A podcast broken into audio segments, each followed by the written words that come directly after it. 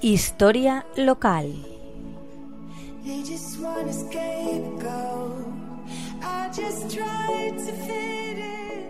Buenas tardes, amigos de la Tegua Radio. Hoy hablaremos de la Asociación de Estudios Monoveros en su primera etapa. Hace ya 40 años que una tarde de otoño, siendo las 19 horas del mes de octubre del año 1976, se ponía en marcha una asociación que nacía con el espíritu de promocionar la vida cultural de Monóvar. Hoy voy a contaros parte de su historia.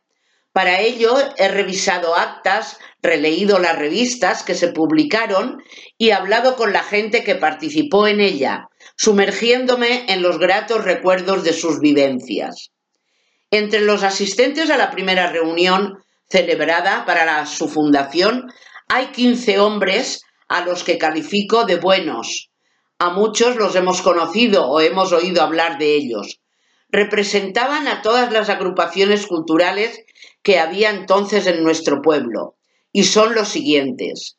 Casildo Sanchiz, Juan Maruenda, Jaime del Tell, Rafael Prats, Luis Vidal, Salvador Poveda, Enrique Samper, José María Martínez, Luis Martínez, Pedro Román, Antonio Esteve, José Albert y José María Román. Como primer presidente nombraron a don Pascual Carrasco Gras y como secretario a don Joaquín Verdú Nebleza. Muchos de ellos han fallecido y desde aquí les rendimos un entrañable recuerdo. En esta primera reunión quedaron aprobados los estatutos. La Asociación de Estudios Monoveros estaba en marcha. La segunda reunión fue en diciembre de ese mismo año, en el Cine de Acción Católica, con la asistencia de los anteriores miembros, más 42 señores que fueron convocados previamente para tratar y discutir el siguiente orden del día. Se trataba de elegir la junta directiva, que recae en los anteriormente nombrados don Pascual y don Joaquín. Para la Junta Honorífica se elige al alcalde don José Bernabé Tordera y al párroco don Miguel Yorca Bisbal. Además, se propone nombrar a las personas que coordinarán las diferentes ramas de las que constaba la asociación, así como fijar la cuota anual de 50 pesetas. La tercera reunión en enero de 1978 se celebró en el local social sito en la calle Mártires de la Cruzada 19, tercero, hoy Ronda de la Constitución, donde se hace balance de cuentas y se propone a don Juan del Tell Alfonso como miembro de honor. También se acuerda solicitar una calle para el recientemente fallecido doctor don Juan Bellot Ibáñez. En enero de 1979, la asociación cuenta con una nueva sede en la calle San Juan número 3, local cedido por don Juan del Tell, y en el que se seguirá hasta su disolución. Al principio no constaba en las actas de la asociación el nombre de ningún socio femenino, hasta en 1981 en el que ya leemos el nombre de ocho mujeres, Francisca Román, María Victoria Martínez, Vicenta Sebastián, Mari Carmen López, Mireya Román, Lidia Rico, Remedios Martínez y Ángeles Pérez. Contaba la asociación con diferentes ramas, como la de música, la rondalla, la coral, danzas, ajedrez o jubilados, billar, excursiones, arqueología, amigos de los castillos, filatelia, literatura, historia natural, historia local, guardarropía, tradiciones, dibujo y pintura, fotocine, más un despacho para la Cruz Roja local. Como vemos, un amplio abanico que abarca la mayor parte de la cultura que se desarrollaba en el pueblo y que posteriormente han derivado en actividades autónomas al margen de la asociación. Muchas personas se empeñaron infatigablemente en que la asociación saliera adelante, pero sin lugar a dudas, el que dio mayor empuje fue José María Román Amat, conservador del Museo de Artes y Oficios, que él mismo creó, con una dedicación infatigable. Llegado el año 1985, aparece como presidente don Rafael Prats Pérez, que seguirá siéndolo hasta su disolución y cuyo trabajo merece también nuestro reconocimiento.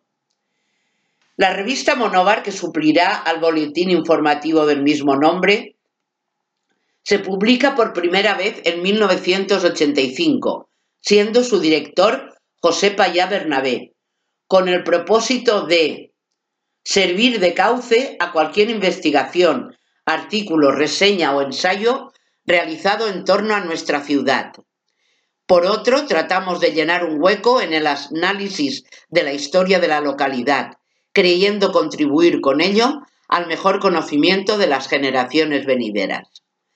Se publicaron 36 números, editándose el último en diciembre del 2008, a pesar de que la AEM no se reunía desde el 2001, fecha en que se rescinde el contrato de la sede de la calle San Juan por parte del, hijo de don Juan del Tell. En la revista Monóvar publicaron artículos muchos de sus asociados, entre ellos Francisco Montoro, Demetrio Mallebrera, Pepe Corbí, José Payá, entre otros colaboradores con firmas muy reconocidas que nos han dejado páginas extraordinarias. Las distintas ramas de la asociación también nos cuentan detalladamente sus actividades. Los temas son variados, pero siempre relacionados con Monóvar. En el número 3 se conmemoran los 10 años de la fundación, con una serie de actos que demuestran que la AEM está en plena actividad. Se, se reseñan las reuniones del rol de literario, de la tertulia Amigos de Azorín, las exposiciones de pintura, fotografía, ornitología, etc.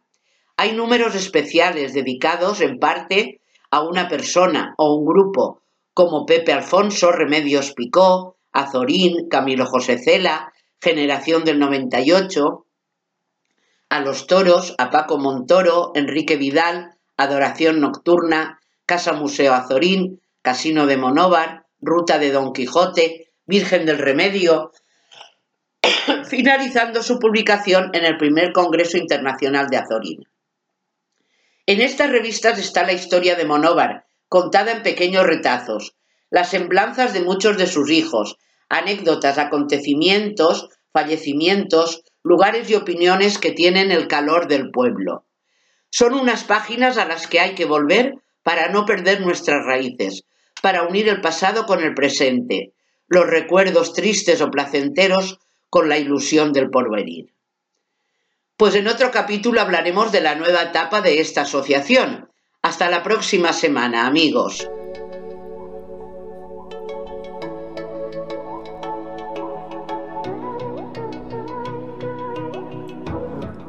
Historia local.